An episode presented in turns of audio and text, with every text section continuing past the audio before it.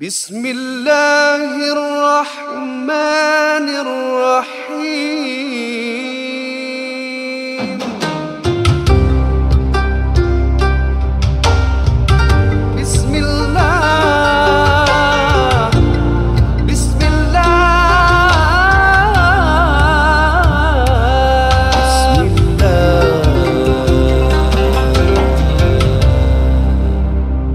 Assalamualaikum warahmatullahi wabarakatuh. Apa khabar semua pendengar NJU? Saya harap suara saya ni tak buat anda ngantuk sebab baru bangun sahur kan? Ah, sahur tu makan apa? Makan nasi lemak kan? Makan prata? Apa khabar semua? Nama saya Nadia M. Din dan ah, kembali lagi anda kepada NJ Podcast NJU yang dibawakan khas kepada anda oleh QK, Khidmat Penyelenggaraan Pusara. Lungsuri www.ngu.sg slash shop untuk mendapatkan package-package khas membersihkan pusara anda. Uh, pusara anda, ya Allah. Saya nak cakap macam tu. Kelakar tak Ustazah? Pusara anda that means Pusara yang dengar ni dia dah prepare dia punya yang dengar tak saya tak boleh dah sebab Nanti okay, roh-roh me sebab semua saya datang dekat puasa. you tau. Saya pun Hmm. puasa kan ah, macam tu. Taklah dia ada uh, few uh, services seperti kalau nak uh, bersihkan kain putih, uh, bunga, rumput kapet, chemical wash so everything is uh, available and you guys can uh, approach on the website itself. Apa khabar Ustazah Syamim? Alhamdulillah hari ini pertama hari eh hari pertama kan Ramadan. Uh, uh, jadi kalau kita ada apa-apa salah, orang patut maafkan kita tahu sebab it's Ramadan kan. Yes, very true. okay Ustazah, are you ready? yes, okay, on to the show.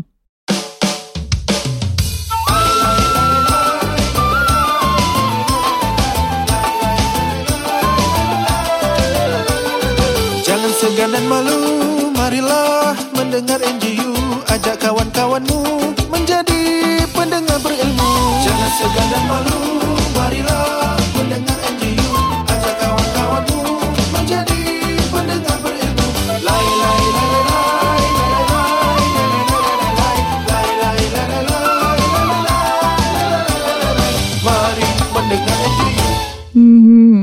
hari ni nak nani macam a bit weak ah asal Puasa. Baru sahur. Dah week.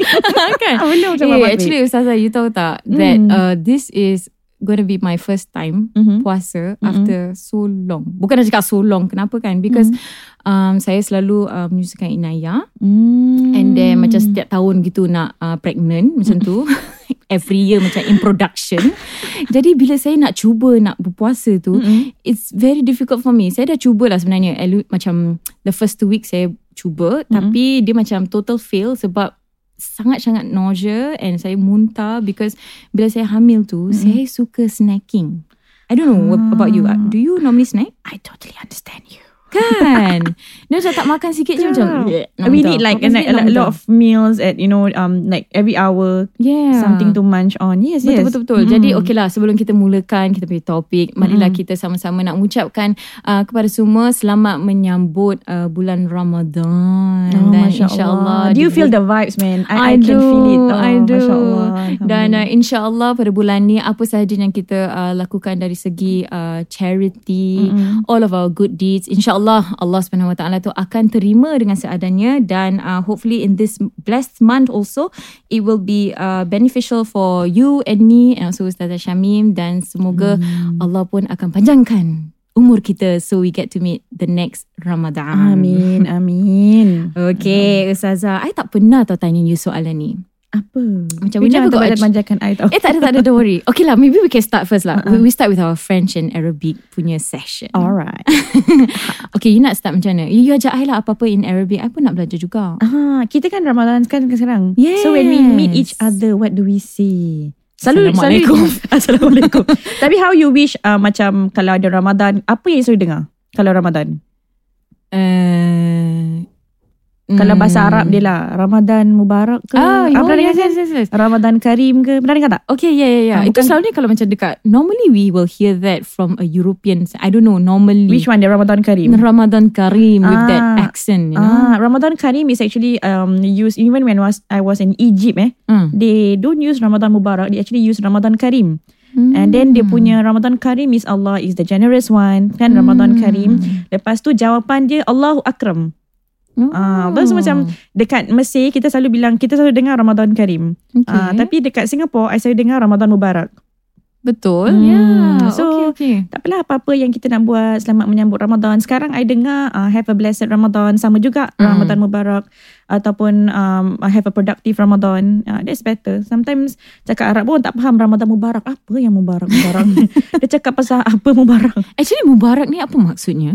Dia datang dari perkataan barakah. Barakah. Barakah tu maksudnya something little but it it the weightage of it is a lot. Macam kalau Allah berikan barakah dalam waktu kita, dalam Mm-mm. 24 jam ni kita dapat buat banyak benda. That means waktu kita ada penuh dengan barakah. Hmm. Duit kita sikit, satu ribu, tapi kita dapat berikan orang, uh, gaji kita satu ribu tapi dapat belikan mak, beli bapa, berikan, you know, everything is enough. That means duit kita ada barakah. Mm, Masya Allah. barakah. So macam normally macam Singapore context doesn't matter lah kalau you nak cakap Ramadan Karim ataupun Ramadan Mubarak, Right? right? Yes, it doesn't matter. So there's Arabic word lah, Ramadan Mubarak ataupun Ramadan Karim. Hmm. And then if you see um, those who understand Arabic, dia tak cakap dia tak cakap Ramadan tau. Hmm. Dia cakap Ramadan. Do, do, Ramadan. do. So it's actually dal, is it dal? No, it's do. Do. Ah, So dia Ramadan. Uh, Ramadan. Kau cakap French. Pagi-pagi aku nak ber-French eh. Ah, so it's Ramadan. So ra dia pun Ramadan. bukan ra. Bukan Ra. Rama, ra. Dia Ah, raw. dia Ramadan. Ah, korang dengar tu raw eh. Dia Raw. bukan ra. Oh. sikit-sikit lah bahasa Ah. Arab. Ah, kita so, macam actually take for granted tau. Macam that every year kita macam okay uh, selamat Ramadan eh Ramadan Ramadan Ramadan. Itulah. Actually it's quite important eh to know how it's being pronounced betul-betul. Very true. Like you know someone's name is Uthman. Hmm. Uthman. Sedap kan Uthman. Tapi Dia panggil kita, Os. Os. Eh Os apa khabar? Full name Seman. Man. Khadijah. Ah, Khadijah. Apa nama nanti shortcut? Hijah. Cat. Eh tolong eh Cathy Cat is so like nama mm, Okay Oh, tak nak mm, komen mm. lah ya Kita tengah berpuasa ya Sesungguhnya Ah, Masya ya yeah. Tapi dalam bahasa Arab ni sebenarnya kalau kita tahu makhrajul huruf dia. Macam Mm-mm. I think French or any other languages macam Mandarin also. When I learn Mandarin I was like Mama. Mana macam ada, ada Ah, four ah, itu yang Indonesia saya susah. sebenarnya very very confusing. Sebelum ni kan guys, sebelum kita mulakan tadi kita punya podcast, uh, Ustazah actually did some research on Google dia macam, eh Nadia, which language is actually one of the most difficult language to to learn and quite surprising. First is apa? Mandarin. Eh? Mandarin. The hardest language in the world to Ah. learn first is Mandarin. wow, and second? Second is Arabic. La la tak takil لا لا لا نتكلم عربية ما شاء الله Okay guys, aku kalah. tak lah macam Mandarin. Actually I I learn Mandarin Mm-mm. um ironically I actually learn it in Egypt. Oh. from a lady whom she's a Singaporean lady. Uh, she married a Russian. So dia ajar kita orang semua. Dia macam Chinese lady lah. Lepas tu dia ajar kita Mandarin. I could catch up the spoken one because I was from secular school. So Mandarin is something we every time dengar Yeah. kan tapi bila part tulis je Allahu Akbar Macam, I okay, kira ah. salam lah eh. Arabic lagi senang ah. Arabic macam A I U an in un dah habis cerita. Macam True. Mandarin is so masya-Allah it's so I difficult. heard for Mandarin, for every stroke dia macam ada maknanya. Ah, ah tak tahulah stroke dia. Stroke dia macam berani cakap. zing, zing. Tu I terus macam eh tak apalah sadaqallahul azim ah. I give up. Kan. I susah lah nak, nak tulis je. So I you know kalau kita kat sekolah Uh-uh. kalau mother tongue language saja, kita orang kan macam senang kan Melayu kan, tak payah belajar, Betul, hafal betul, peribahasa betul. je kan. Ha-ha. Tapi kalau yang Chinese uh, um, they actually have their dictionary, orang hafal and all that. I like, eh, chimnya. Masya Allah. Tapi Arabic okay lah. Arabic is not tough. It's actually quite fun. Okay, teach learn. me another one lah. Yang macam, okay, maybe like my name is My name is you? okay senang. My name is is very easy. Ismi. Huh? Ismi. Ismi, like what's your name? Ismi. Mm, no, what's your name? Okay, my name is Ismi. So I said Oh. Ismi Shamim Sultana. Eh, sedap eh. Macam Cakap, cakap, cakap. My name. Ismi Nadia MD. Ah, dia je. Cakaplah Arabi ya. Masya Oh, Allah. Ah. Okay, then I teach you one normal, simple French one lah. Okay, apa? Ada sini pun you dah tahu kot. Apa? Um, I love you. Alamak. Okay lah. Je t'aime. Oh, ya Allah, ya Rabbi. Tak Boleh love, love aku lah. macam gini. Apa? Je t'aime. Je t'aime. Yeah. Dia Oh. macam dah sikit. Je t'aime. Today you balik go to your husband pegang pipi dia caress baby je t'aime. Je t'aime. Dia macam apa kau merepek setan. eh, actually I nak tanya you tau. Ah. Bila you belajar French? Uh, actually, I don't really study study formally, tak Ah. ada. Cuma just dari Bilal je. And I think um it benefited me because I memang suka language. Ah, I suka to imitate language. I suka learn. I love to. I I really appreciate uh, like different kind of languages lah. So saya rasa daripada situ like um senang untuk saya tangkap tau macam untuk bahasa uh, to belajar bahasa yang berbeza. That's why. Oh, Masya Allah. So do you speak French at home? Sikit-sikit? Uh, un petit peu. Sometimes it's very funny. Bila I marah budak-budak, Uh-uh. bila Melayu tak jalan, kita pergi French. Habis dia faham tak? Eh faham Dia Eh, macam faham. Oui Masya maman Allah. Je suis désolée Maksudnya Ya mak I am sorry Oh, dia faham eh? uh-uh. Oh, best ni. Masya Allah. Cakap lama uh, Faransa. Kan Masya lah, Allah. Ustazah. That is very, very, um, I, I really applaud you for studying that. Uh, Terima actually kan, Nadia, I nak, I nak share dengan you. Um, I pernah, I pernah buat conversion. Then this lady, she needed a interpreter tau. Um, So the sign language. Yeah And then she's going to marry a, a Malay guy, a Muslim guy. Hmm. That Malay guy can actually talk to her in sign language. So, mak mak dia sendiri, ayah, I don't know lah. I just talk to her anyhow language. Tapi this Malay guy learn from, you know, from her.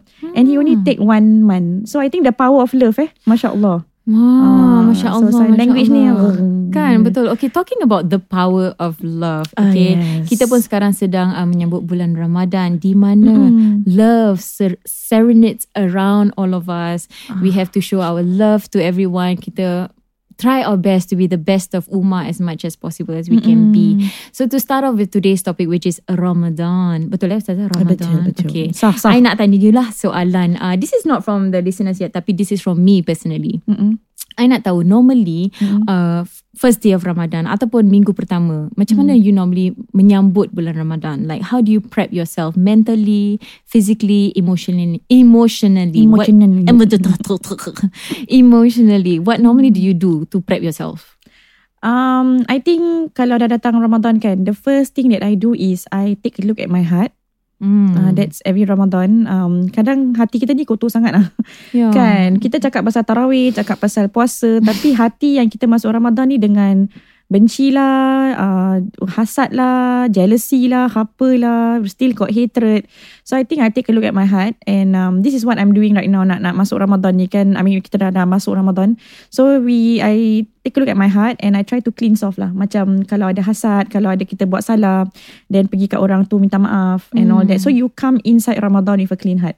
Hmm. Ah, so I think that's very important and that's what we try to do as a family also. Macam kalau malam Ramadan tu macam kita I make it like malam hari raya. Ah, ah. ada lampu lap-lip. Ah, kita I um, berikan hadiah like to my daughter I belikan telekung. My son I belikan Quran. Hmm. Masya Ah, Allah. so macam semangat gitulah. Jangan tunggu raya je, tunggu Ramadan. betul juga eh untung anak-anak you eh dapat ibu macam you ni Ah, Masya Allah Tak lah I mean I, We are trying to create the vibes That people Kan kita kecil-kecil Kita look look forward to Syawal kan that's true Ada duit raya Mm-mm. Cuma pasal duit tu sebenarnya ha, But a lot when we were young I I memang tak nafikan lah. Bila I kecil Ramadan je. Alamak alamak Mesti mesti tak best lah kan? Mesti nak kena Macam tak boleh makan Tak ada apa kan? So I want to instill that in my kids That Ramadan is a fun month. Ramadan is what we should look forward to instead of Syawal. Hmm, Masya Allah Dengar tu Dengar tu Para pendengar NZU kita. How the- about you Nadia? For me okay um, Same like you lah actually. Normally Kalau kita nak uh, You know coming to Nearing to Ramadan I will always tell myself Okay sebelum ni Ada tak aku macam Buat dosa kepada sesiapa ke? Ada tak macam Terguris hati ke? Ada macam gaduh Like especially If it's towards My mother Especially if it's towards husband Ataupun uh, adik-beradik.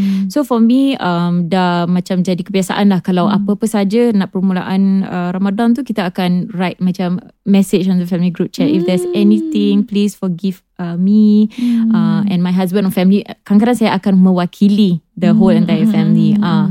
And I think uh, This should be macam a practice That people normally should do Because it's really um, Lebih uh, menenangkan Untuk kita receive the month of Ramadan With a peace at heart Betul tak Ustazah? Betul, macam betul. minda kita tak macam Kalau kita nak tidur lepas buka macam hmm, Mak aku ni dah, dah, dah, dah, Masih belum baik lagi macam gitu Ataupun our makcik Our pakcik Right correct not? Betul betul betul. Yeah, so actually this leads to a question from uh, one of kita punya pendengar. Mhm. Dia tanya, mm, Ustazah, what if someone really tests my patience to a very maximum level and am I supposed to, eh, oh, and I am supposed to be in a state of complete sabar. What should I do? if this matter has gone to the extent of shaming my family, what should I do? Wow. Mm. Hmm. Quite heavy actually. Uh-uh. Dia macam in between. So I let you talk first lah. Because I also want to know. Okay, you have your thoughts on Uh, this? you go first lah. I go first eh. um, okay, actually kan, um, yes, kita sabar ni, um, a lot of people think that sabar means macam telan, telan, telan, telan, telan. Just Mm. swallow it, just swallow it. Benda yang, like for example, benda yang buruk pun just sabar, sabar, sabar, just swallow it. Mm. That actually is not the definition of sabar. Sabar means you are patient. Um, like you know, uh, for example, ada orang kata my husband um shame my family kalau if she she means the fam uh, the husband ke apa kan then um if the husband shame me if the husband beat me up and all that must I um, must I be patient must I sabar? Actually it's not sabar. Sabar doesn't mean you just follow. Sabar means you do the right thing Mm-mm. and then you be patient also. But you have to do the right thing. So kalau if you ask me if you know the if you have people who uh, are testing your patience first ask yourself can you like make them um like um are you are you meeting them regularly? Mm. if like they, you can choose to actually not meet them regularly then don't meet them regularly. They, they might be just people random people random friends ke apa. Then people keyboard warriors don't don't affect yourself lah with that that kind of people. There there will be people who say all this. Kalau these people are actually your family members okay your family members then you don't have a choice to cut ties kan jadi you have to balance it with kalau contohlah you ada toxic husband ke toxic mother or mother who actually likes to say this kind of things um I have questions like macam um my mother like to talk bad about my husband Mm. uh, so what do I do but she's my mother he's my husband Alamak. Ah, kan macam dia tengah-tengah kan. So at that time you cannot putus hubungan kat mana-mana. So I say at that time you must understand that apa yang mother cakap you have to just keluarkan tengah kiri. Mm. You have to understand your belief have to be what my mom say is not true. My mom is like that. I I can try to change her but I cannot change her. So I just make doa that she she berubah. Tapi dia if she wants to shame my husband but I know my husband is not like that. So what do you do is you just masuk kanan keluar kiri lah. Mm, and try not to macam um I mean if you can actually voice out and say mak my husband is not like that you know he's a very good man I think you should to tell in a very um respectful way for me I think um the parents will actually respect the spouse if you stand up for your spouse ke? you, You- tak you okay. ke Actually, I um, I wouldn't second that uh, entirely because Mhm. unfortunately there are a lot of apa tu um, people messaging on Instagram. Mm-mm. Selalu masalah tentang ni tau macam uh, suami gaduh dengan I lepas tu mak dia gaduh lepas tu mak dia uh, like really they really bertekak together and then she's like really literally caught in between. So Mm. actually I feel sometimes kadang-kadang it could be also difficult to convince like our mothers ataupun the mother-in-law. Mm-mm. Kan eh, tapi ini dah macam another topic altogether eh mother-in-law eh. tapi ke tak lah tapi what do you think should she like just um what what should she do? I mean for me of course lah I totally agree with you that we should you know try to always macam uh, explain. And I also agree that kita kalau sabar tapi macam situasi tu betul-betul teruk takkan kita nak just mm, diam and like you know make nothing happen. Of course I think we need to make the matter right kan? Kalau tak nanti hati tak tenteram everything tak tenteram and you, you cannot receive Ramadan in the best way possible. Manner betul tak? So um uh, susah lah actually nak cakap or maybe is it like macam depend on situation ke macam mana? Depend on actually, How- Yeah lah It's it depends on the situation Depends on the person Depends on how you are. So macam mm, Entah eh Nak cakap Nak cakap dengan mak pun Kadang-kadang mak tu dah 70 lebih Like already sick On the bed Kan? Bedridden. Then Mm-mm. To me you just swallow lah These old people pun Diorang macam Ada their own Macam kadang-kadang They go back to being a baby tau Being fussy and all Mm, that mm, mm, mm. So at that point of time Is no point you want to fight with your mother Is no point So macam Sudahlah masuk kanan keluar kiri lah Gitu Yeah. Ah, So tak lah Macam itulah Baiklah faham This Sarah. Ramadan is going to be lah.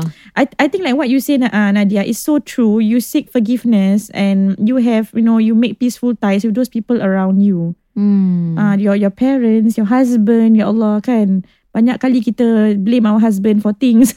Yes, for many things. Si gitu tau. Sorry Bilal, I love you. Eh sempat eh? tu lah.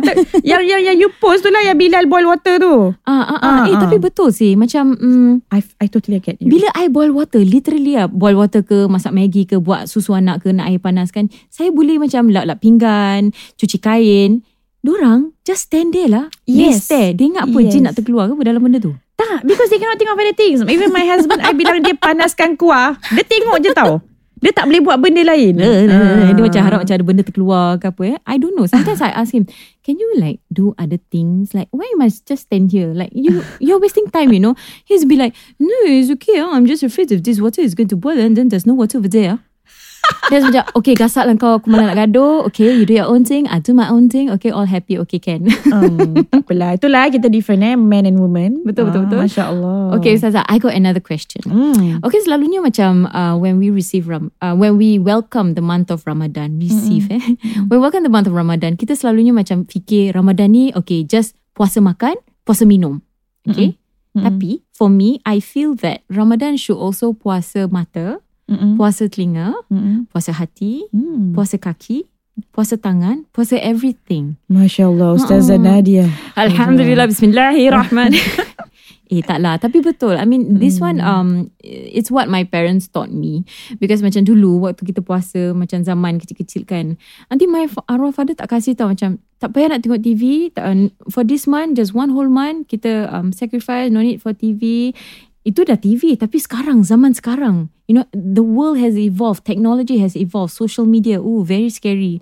Kadang-kadang you macam scroll up Instagram Ada benda yang kau tak patut tengok Macam alamak Batal ke tidak tu Ustazah?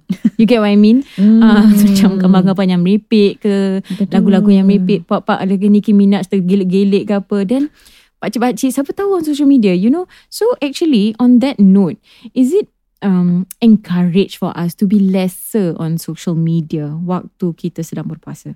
Ah, okay. I totally get you. I Mm. just um, spoke to my husband yesterday. Macam kadang-kadang kat Facebook tengah tengok video kan. Mm-mm. Ada pula video kissing scene pula. Mm-mm. It's the first thing tu. macam eh, eh, eh, eh. Apa ni? Macam eh, why did belum apa-apa dah start. why did apa-apa ah they just started you that they hook you with that macam Ah. wow then macam you know all this kind of thing I pun worry lah how our kids are going to use the phone and all Correct, that correct. so macam it is so true but uh, I I and then some of us actually went through which I totally respect lah um fasting from social media also during the month of Ramadan Mm-mm. I have friends bila dia tengah Ramadan they fast from social media. That means they don't post anything. But um for me personally I feel that uh, my my point is lagi Ramadan lagi kita kena um use the social media in the best way possible. So we should not go away from social media. Tapi maybe don't spend so much time scrolling. Tapi we spend time um spreading good.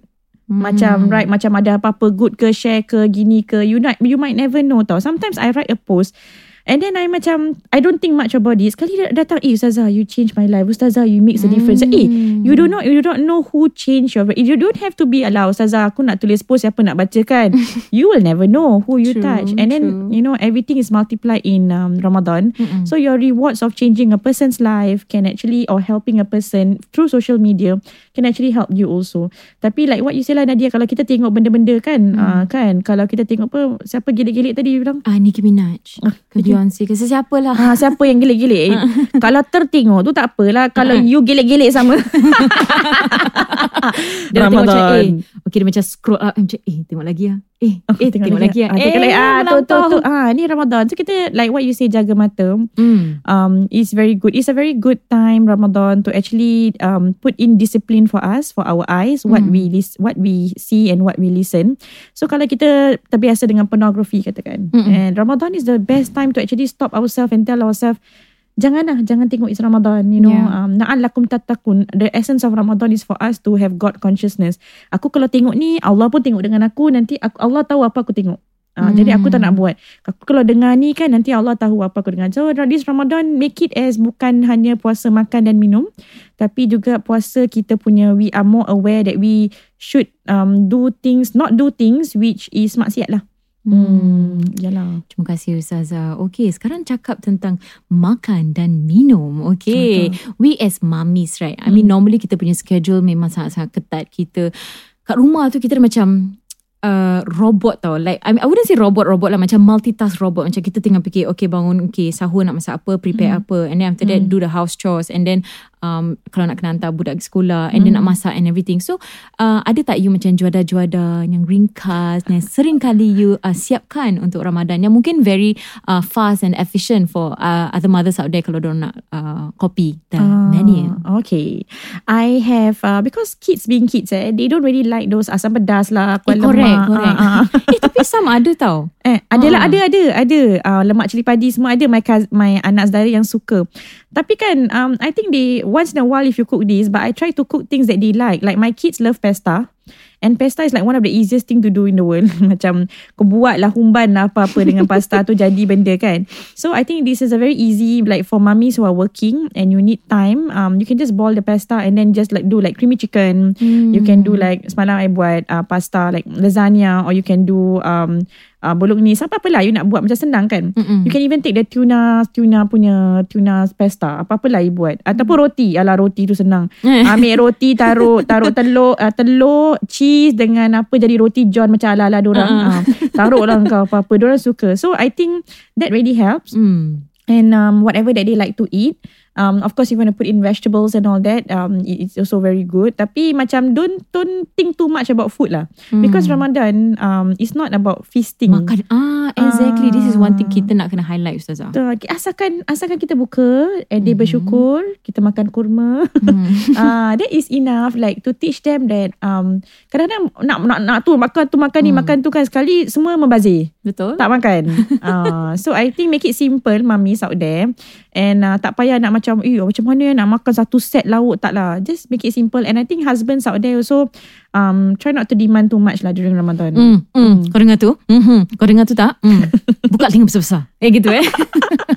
Yalah simple-simple je lah. Nasi goreng ke sedap you. Ah, betul Ah, betul betul. betul lah. Ui, kalau ada lapar ustazah, everything is nice. Correct not? Very true. Kan Okay okay There's another thing Yang saya nak tanya ni Because Normally kan uh, Speaking about feasting Macam Eh aku nak beli ni Macam bila kita dah lapar Kita pergi bazar Hmm. Eh semua lah Semua nak angkut uh, Apa saja Hot dog lah Leko lah Burger lah lah. Goreng pisang Goreng this Goreng that Everything goreng right Actually um, Is it lebih better? Is it lebih better? Is it lebih baik Untuk kita macam Bila nak buka puasa tu Kita mula dengan uh, Hanya kurma dan air Lepas tu kita pause kejap Kita solat jemaah And then kita come back And then boleh makan Ataupun Normally Ustazah you practice Like just makan terus ke Makan light Lepas tu solat And then You baca Quran ke Setelah tu ke? Macam mana? Oh, ingat aku apa? Masjid. Eh siapa tak tahu Tak lah, yelah. Uh, Okay, actually I, some people actually makan kurma dulu, minum air, lepas tu dalam solat. I have Hmm. uncles who do that. I have, I know people who do that. Uh, but for me, because I have kids who are fasting, Hmm. my kids are like 11 and 9. oh. I rasa kalau I suruh makan kurma dengan minum air je. What Ah, dah bau tu. Ah, sedapnya. Ah, then actually if we are in Islam also, we are encouraged to actually eat first. We are not encouraged to actually pray with an empty stomach. Ah. Especially when the food is served. Hmm. Ah, so kita makan dulu, makan sikit lah. Jangan Hmm. makan macam aku tak Macam- boleh sujud. Dah sujud aku tu dah tertidur Ah tu lah, dah sujud aku nak muntah, aku nak muntah. Jangan. makan sikit, makan sikit dulu. Ah, then we start praying. And then tarawih nanti kan ah, macam can, tarawih tu datang perkataan rehat tau. Mm-mm. Tarawih, roha, rehat. Hmm. So macam you can take a break, makan, munch, you know, or, or do whatever. You can just make it like macam best lah. Macam tak payah makan banyak gitu kan. Ah, nanti ter- perut you terperanjat. Eh betul juga. Ah, habis goreng, goreng, goreng, goreng, goreng ni kan. Ya Allah, ah, tak tahulah. Doesn't give you any Health ah, benefits Yeah, sebenarnya, health ya. benefits and you get more thirsty, you know, that kind of Mm. thing. So makan the traditional food lah. Eat more vegetables, eat more, uh, eat water. I mean, eat, drink more water, eat veg, uh, fruits. Kalau kita tengok Nadia the weather nowadays in Singapore. Mm-mm. Oh, Ooh. Masya Allah. It's very hot. ah. Yeah, so we have to drink water, especially when you were mentioning um you were breastfeeding kan, Mm, and then um ni sama jugalah macam out out there kalau ada mummies yang breastfeeding and you are not able to fast, don't force yourself. Yeah. Don't force yourself. You if you are pregnant and you're not able to fast, don't force yourself. I know there are a lot of people encouraging fasting, which is not wrong. If you can fast, it has nothing, doesn't affect you, doesn't affect your milk supply, silakan. Yes. Tapi kalau it affect, it really make you demoralized, then don't fast. You can Mm-mm. call out another day. Ah, so macam kadang-kadang I rasa mamis macam kita uh, compare compare ourselves tu, eh aku boleh puasa apa kenapa kau tak puasa? Ah, Mm. macam gitu kan macam we see mamis can fast and kita tak boleh fast and kita rasa macam I must force myself, I must force Correct, myself. Correct. Don't force yourself lah. I mean I have time when I'm pregnant and I fast the whole month. Wow. I have time when I'm pregnant and I didn't fast the whole month. For Nusaibah I tak fast. Hmm. Sebab Nusaibah 30th Ramadan nak fast apa? Tapi I was breastfeeding at the same time. Oh Masya Allah. Habis I tak boleh. It's the last lap ready. I cannot. So Mm-mm. then don't force yourself. Um, everyone is different. Uh, it doesn't matter kalau you bukan third trimester. You first trimester je katakan. Correct. The first trimester pun muntah, Oh, apa, mm, mm, ah, mm, mm. exhaustion. Yeah. Eh, Every pregnancy is different eh. Correct. Kadang-kadang ada mak mentua atau mak-mak yang bilang, aku dulu puasa penuh. Kan? Ha. Tu macam, itu kopi pastel lah. ada. Ini aku punya pregnancy. ha, itulah tapi macam janganlah kalau kita mak mentua atau mak eh kita encourage kita tak pergi puasa tak apa tak apa je gitu kita tak apa Allah faham Allah Betul, betul, sayang betul. ah gitulah support Wow. each other lah Okay, Hmm. Ustazah. Yeah, that, that's really true. Um, talking about membayar fidya, just now you say qada, right? So Mm-mm. it also got to do with fidya, right? Am I right? Hmm, it has to go, got to do with fidya kalau okay uh, kalau kita ikut mazhab syafi'i eh, Mm-mm. if I am breaking fast uh, I'm not fasting Mhm. because of myself then I qada je because of If- myself because Means I tak tahan sakit. lapar Oh, okay. ataupun apa-apa kalau I'm I'm feed I, I I'm breastfeeding or I'm pregnant eh okay. Ah, Ini hukum untuk orang breastfeeding ataupun uh, pregnant. Mm-mm. Kalau you tak tahan lapar Mhm. dan ataupun you uh, memang you mabuk ke it's about you. Okay, it's about Oh. yourself then you kodok sahaja. Tapi kalau you buat kerana anak you. Okay, Mhm. ba- doctor said baby is um too small in size, you have to eat and all that.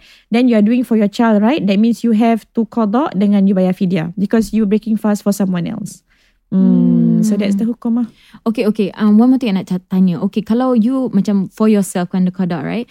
So basically, is it macam you kena repay back all yang the days you've missed sebelum you meet the next Ramadan? Yes, by right you have to. Kalau you din um, tak dapat, okay, and you memang sengaja um, lambat-lambatkan sampai tak dapat, then you kena bayar fidyah.